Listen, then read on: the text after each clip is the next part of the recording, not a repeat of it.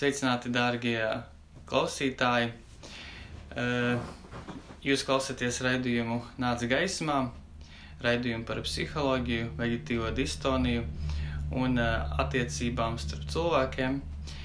Šodien mums viesojas ciemos kristīga psiholoģija Ina Grasmane, un es izdomāju, ka šis cilvēks varētu ļoti brīnišķīgi padalīties ar savām zināšanām un ar savu pieredzi, kura jau ir vairākus gadus kā praktizējušai psiholoģijai.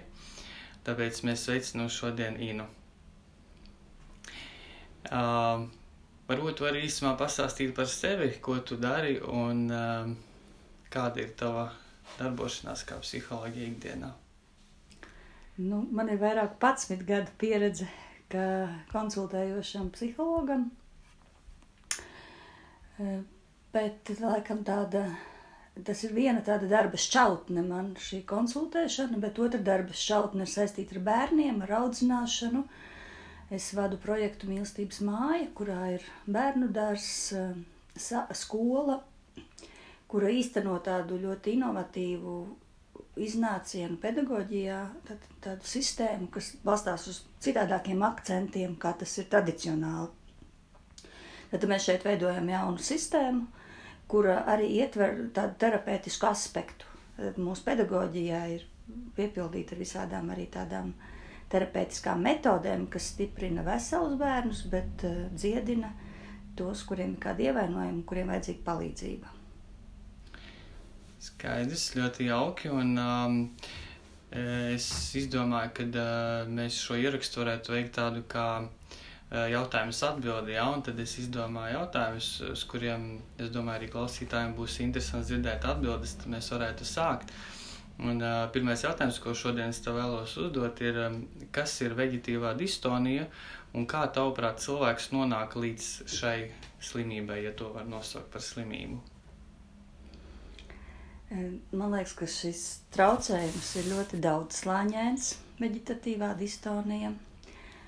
Um, priekš manis, manā terapeitiskajā praksē, man arī ir pietiekoši liela pieredze darbā ar šo traucējumu, jo veģetatīvā distonija ir ļoti populārs mūsdienās.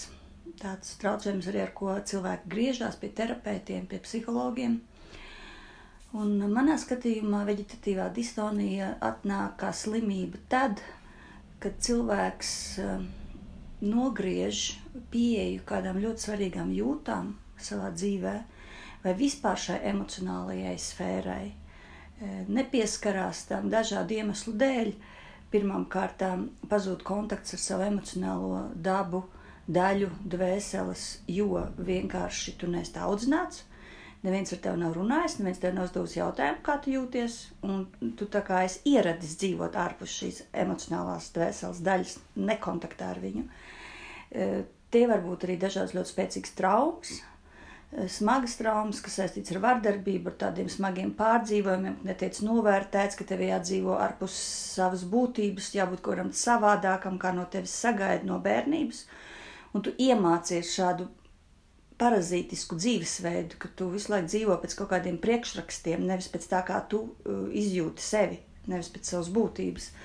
Tādēļ šāda novirzīšanās no savas eh, izjūtas, es teiktu, tādas emocionālās, un ja tā novirzīšanās ir pārāk, pārāk tālu, tad šī veģetatīvā distonija nāk tāds sarkanais luksafors, kas eh, iedegās, nu, kad tu esi pārāk tālu no sevis, no tieši no šīs emocionālās daļas. Jā, tad uh, varētu teikt, ka visas pamatā problēma ir ar emocionālo pasauli, ja, kas... Ar savām jūtām. Jā. Un tad uh, Otrais jautājums, ko cilvēkam ar vegetīvo distoniju darīt šādā gadījumā, ja viņš saprot, atklāja, ka viņam tāda ir, un vai var būt pilnībā brīvs no tās? Nu, jautājuma pirmā daļa.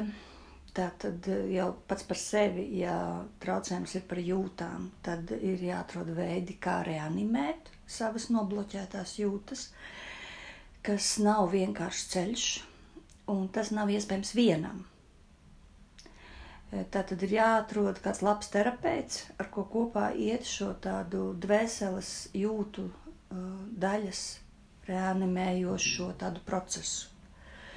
Tad, ir jāatbrīvojas no šī nobloķējuma, ir jāsaprot, kur es neesmu kontaktā, kā es nedzirdu sevi. Un to tu viens nevar izdarīt viena iemesla dēļ, tāpēc, ka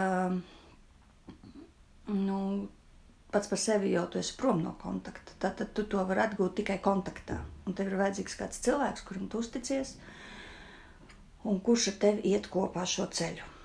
Tas ir pirmais. Vai var pilnīgi brīvs būt? Tas ir ļoti nopietns process. Un tas ir tāds pats jautājums, kā varbūt, piln, vai var būt pilnīgi brīvs no vēža, vai varbūt pilnīgi brīvs no kādām smagām ādas slimībām, vai varbūt piln, tas ir hronisks visas kaitas, ielaistas vai varbūt brīvs no veģetatīvās distonijas. Es ļoti ticu, ka var. Pretējā gadījumā droši vien tad kāda jēga mūsu ticībai, ja runā par tādu kristīgo platformu. Es domāju, ka var. Bet ir jāizdara ļoti liels darbs.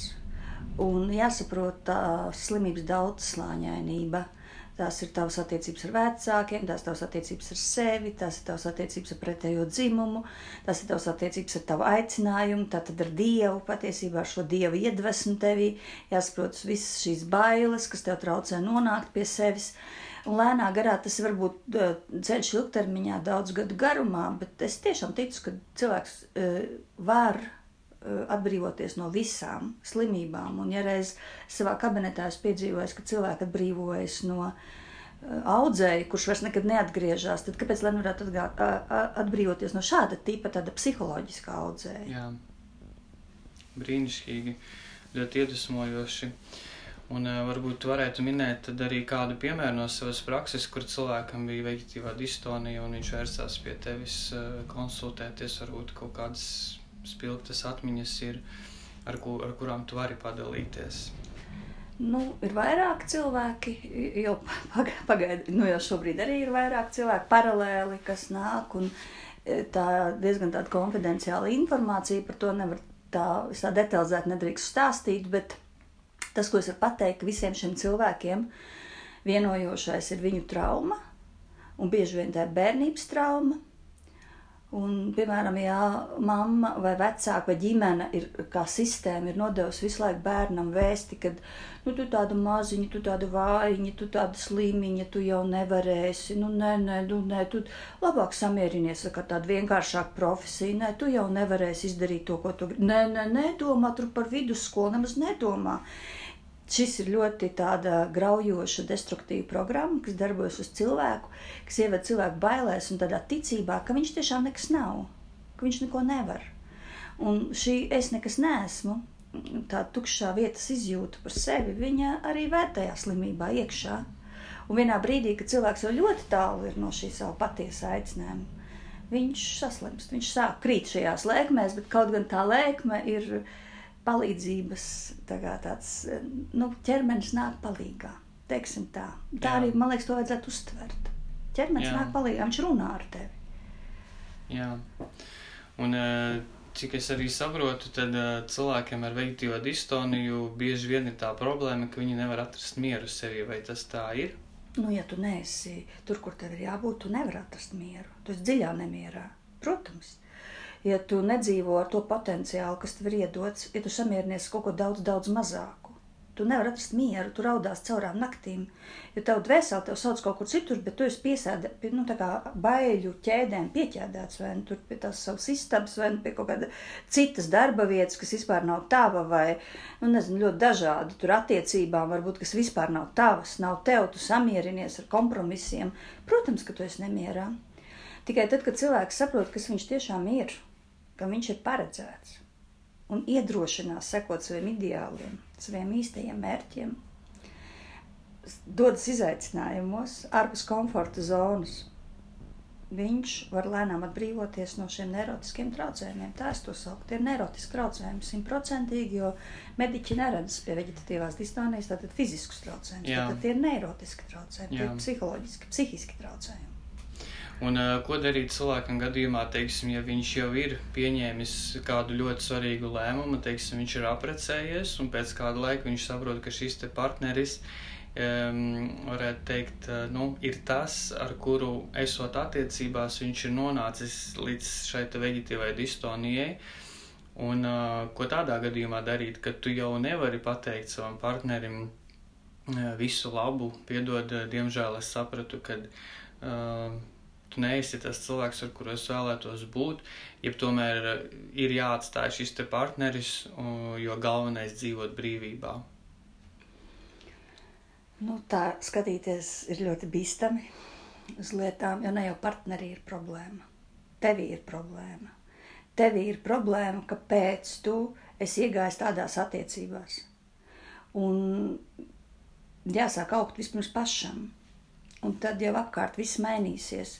E, šajā gadījumā tā ir laulības krīze droši vien, un laulība sastāv no dažādām krīzēm, un tā var būt, ka mēs satiekamies ievainotāki, un tad mēs tagad sākam augt, katrs dažādi, un tad kā veidojas tā mūsu kopdzīve. Un jau runājot laulības kontekstā, es ļoti ticu tam, ka viens cilvēks, kas kaut ko ļoti nu, sirsnīgi maina savā dzīvē, viņš noteikti ietekmē otru cilvēku. Vai, ja otrs cilvēks ir ļoti ar brīvu gribu, stingri nolēmis palikt savā slimībā vai kādā vardarbīgā vai atkarīgā sistēmā, nu, tad, tad, protams, tad ir nu, jāiet prom tad ir jāiet prom un jādomā, kā tālāk. Bet ir ļoti svarīgi saprast, ka, ka vispirms viss sākās no tevis. Tu pats esi tādu cilvēku piesaistījis, tu pats tam esi piekritis, un tu pats par to atbildi. Un tagad nu, paņem to atbildību un paņem tās sekas uz sevis un izdzer savu biķeri, tā kā izstrādā to savu daļu. Un tad paskaties, kas notiek tur otrā pusē. Jā, brīnišķīgi. Un tāds jautājums runājot par mūsu gadsimtu, kāpēc tavuprāt šis mūsu 21. gadsimts ir tik piesātinātas trauksmes pilns? Nu, tam ir ļoti dažādi aspekti, iesākot ar vēsturisko aspektu, no tā laikmeta, no kur mēs nākam, padomu iekārta. Un tam ir arī garīgi aspekti, ka tomēr tumsa ir uz šīs zemes. Vēlns staigā, Jā. darbojas ļoti aktīvi. Tam ir droši vien arī tādi psiholoģiski aspekti saistībā ar emocionālo audzināšanu, kultūru vispār mūsu zemē, ka mēs neesam tādi nu, audzināti un netiekam vēl joprojām audzināti šodien tādā emocionālā gudrībā, izpratnē par sevi, par citiem cilvēkiem.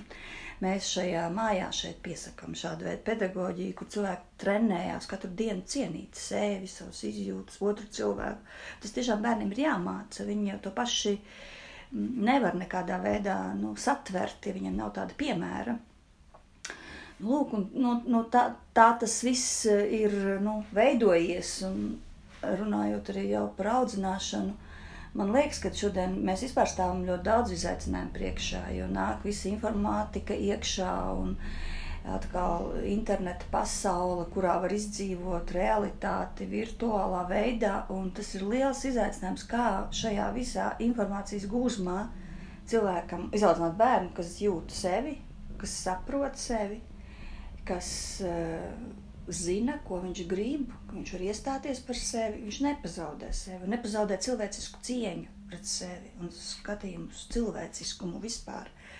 Šodien ļoti liela izaicinājuma ir vismaz atrast droši vien mums kā vecākiem, katram pašam sevi. Savukārt mūsu vecākiem, kurus mums ļoti gribas vainot bieži vien, jo viņi mums atkal neiedēla šo emocionālo uh, gudrību, bija citi izaicinājumi. Viņiem vispār nebija zināšana par to. Vispār tas tika noliegts, padomju iekārtā, tas tika izgriezts. Vispār cilvēks ir balta lapa, viņš atnāk šīs zemes, un bērni ir jāatstāj tur, nezinu, no kāda tur vecuma ļoti agri. Un, Un netika vecākiem vispār sniegta nekāda informācija par to, ka šī emocionālā saruna ir svarīga. Atkal viņu izaicinājums bija tādi, kas izturēja šo pārbaudījumu un palika saskaņā ar tādu cilvēcisku cieņu un izaudzināja veselus bērnus. Nestoties to visu, bija daudz lielāka daļa, kuri pakļāvās šim, šai ideoloģijai un izaudzināja mūs, kas esam ļoti ievainoti. Jā. Tad mēs atkal stāvam izaicinājumu priekšā nodot šo traumu tālāk vai sevi ārstēt un nonākt pie jauna, jaunas sistēmas izveidas. Jā.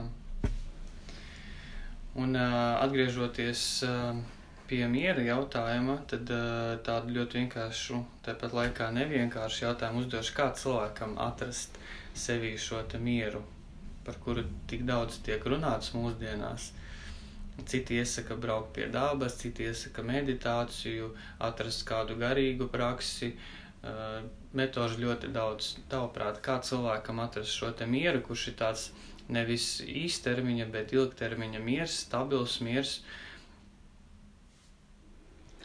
Tas ir ļoti sarežģīts jautājums tā iemesla dēļ, ka katram tas ir pilnīgi savādāk.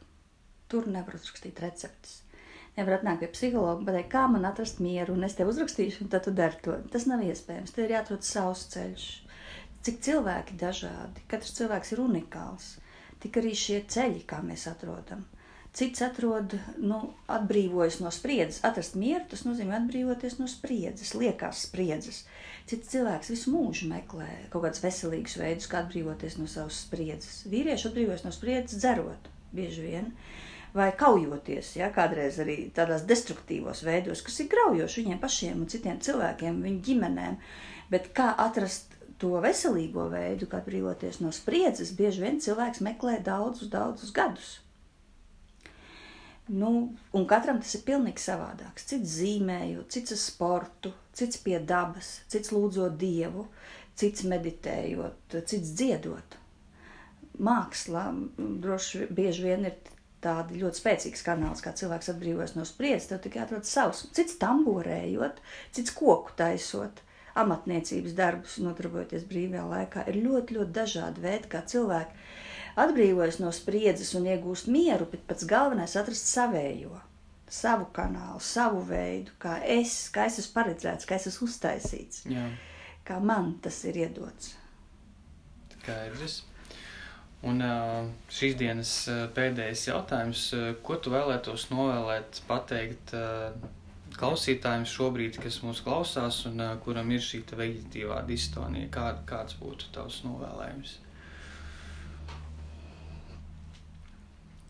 Jebkura slimība, kas pie tevis atnāk, ar tevi runā. Dabiski mums gribas viņu nedzirdēt, mums gribas no viņas atbrīvoties, mums gribas iedzert zāles, mums gribas kupēt simptomus. Jo taču sāp, ir grūti, nu, protams, nu, ja cilvēks baidās iziet uz ielas, jo viņš var uz pieturā, uz soliņa tur noģībt. Es saprotu, ka ir ļoti, ļoti bail. Un, bet šie simptomi ir atnākuši, lai kaut ko tev pastāstītu par sevi nokupējot šos sāpīgos simptomus, tu vari arī daudz ko neuzzināt. Svarīgu par sevi, ne tikai sāpīgu, bet katrs sāpes satur arī milzīgus resursus, nu, tādu informāciju, kas ir tavs spēks, kas ir tavs talanti, kas ir tavs aicinājums, kas ir um, bieži vien cilvēki tieši šādās slimībās īstenībā pagriežās tādā patiesas dzīves jēgas virzienā. Uh, Tādēļ es, eh, protams, ieteiktu klausīties, sadraudzēties, ieklausīties šajā savā slimībā, runāt ar viņu. Galu galā, ko viņa ir atnākusi man pateikt par mani, par manu dzīvi, un eh, kuros brīžos atnāk lēkmes. Vai ir tādi priekšvēstneši manā dzīvē, nu, kad ir kaut kādi notikumi, kas savelk to spriedzi, un tā lēnām iepazīstot sevi, tu vari saprast, ko šī slimība tev māca ko viņa ir atnākusi iemācīt. Palasīt psihosomatisko literatūru, kur tiek aprakstīti, kur zinātnieki ir izpētījuši jau visu pagājušo gadsimtu. Tas ir tik pētīts, ir daudz, ļoti daudz pētījumu par to, ko katra slimība saka par tevi. Gan aknu, gan plaušu, gan sirds, gan migrēna, gan lūk, arī šī veģetatīvā distonija, ko viņi tev stāsta, ko, ko zinātnieki ir izpētījuši par šo. Tur ir daudz atslēgas, uh, kur cilvēki ar savām liecībām vienkārši pastāstījuši, kā viņi tiek uzrunāti no šīs slimības. Un tas var kaut ko dot arī e, tev pašam, saprast, ko viņa ir atnākusi man pateikt. Un, e, nu, es vienmēr esmu domājusi, ka viss, kas nu, kā, ka mēs esam ejam pa ceļu, mums pretī nāk ceļa, ceļa biedri, pretimnācēji. Un tie, tas var būt ciešanas, tas var būt slimības, tas var būt attiecību kaut kādas nesaskaņas, milzīgas problēmas. Uh, Tas var būt, nu, nezinu, profesionālajā dzīvē, dažādas neveiksmes, viss kaut kas, kas mums nāk pretī. Un visi šie, šie pretīm nācēji mums ir kaut ko grib iemācīt. Gudrība ir tajā, ka tu viņus pieņem. Nevis sakaujies, iemet grāvī, uzlai ūdeni virsū un domā, ka tu esi viņus noslīcinājis, bet kādā citā brīdī viņi papeld tur tālāk un atkal izpeld tev pretī. Un varbūt daudz briesmīgākā izskatā, ja viņi jau nikni ir. Slimība ir jāiemācās satikt, ar viņu runāt, viņu izprast, pētīt, ārstēt, iet pie terapeita, eh, iepazīst savu to jūtu realitāti, iepazīt to skapja saturu, kas ir kaut kur noslēpts, tur, ko mēs esam iebāzuši tur visādos aizslēgtos skapjos un negribam uz to skatīties. Bet viss tas, kas tu esi, tas ir skaisti, tas ir ļoti vērtīgi, tavas jūtas ļoti svarīgas, viņas grib atstāt nospiedumu uz šīs zemes, iekrāsot šo zemi tieši tavā krāsā. Un tad, ja tu to nedari, tad tu slimo bet es droši vien gribu novēlēt, iedrošināties, iet cauri bailēm. Jo meditatīvā distonijas struktūra ir bailes, kas ir panika, tas ir milzīgas bailes. Bailes var uzvarēt viņām ejot tieši cauri. Cita ceļa nav. Viņas nevar uh, aizmirst, viņas nevar apiet. Viņas var uzvarēt tieši ejot viņām pretī un darot to, no kā ir ļoti, ļoti bail kopā ar kādu, jo bailes ir ļoti bloķējošas. Viņas tev paralizē, mēs zinām, ka baiļu dēļ mums pazūd balss, sastings mēlē, sastingt kustības, neko nevar izdarīt, mēs pilnīgi izkropļojamies. Tāda ir baiļu daba, tāpēc ir vajadzīgs šis otrs cilvēks, kas tev paņem aiz rokas un palīdziet cauri. Varbūt izdara to, ko neizdarīja tev vecāki. Bet viņas ir uzvaramas.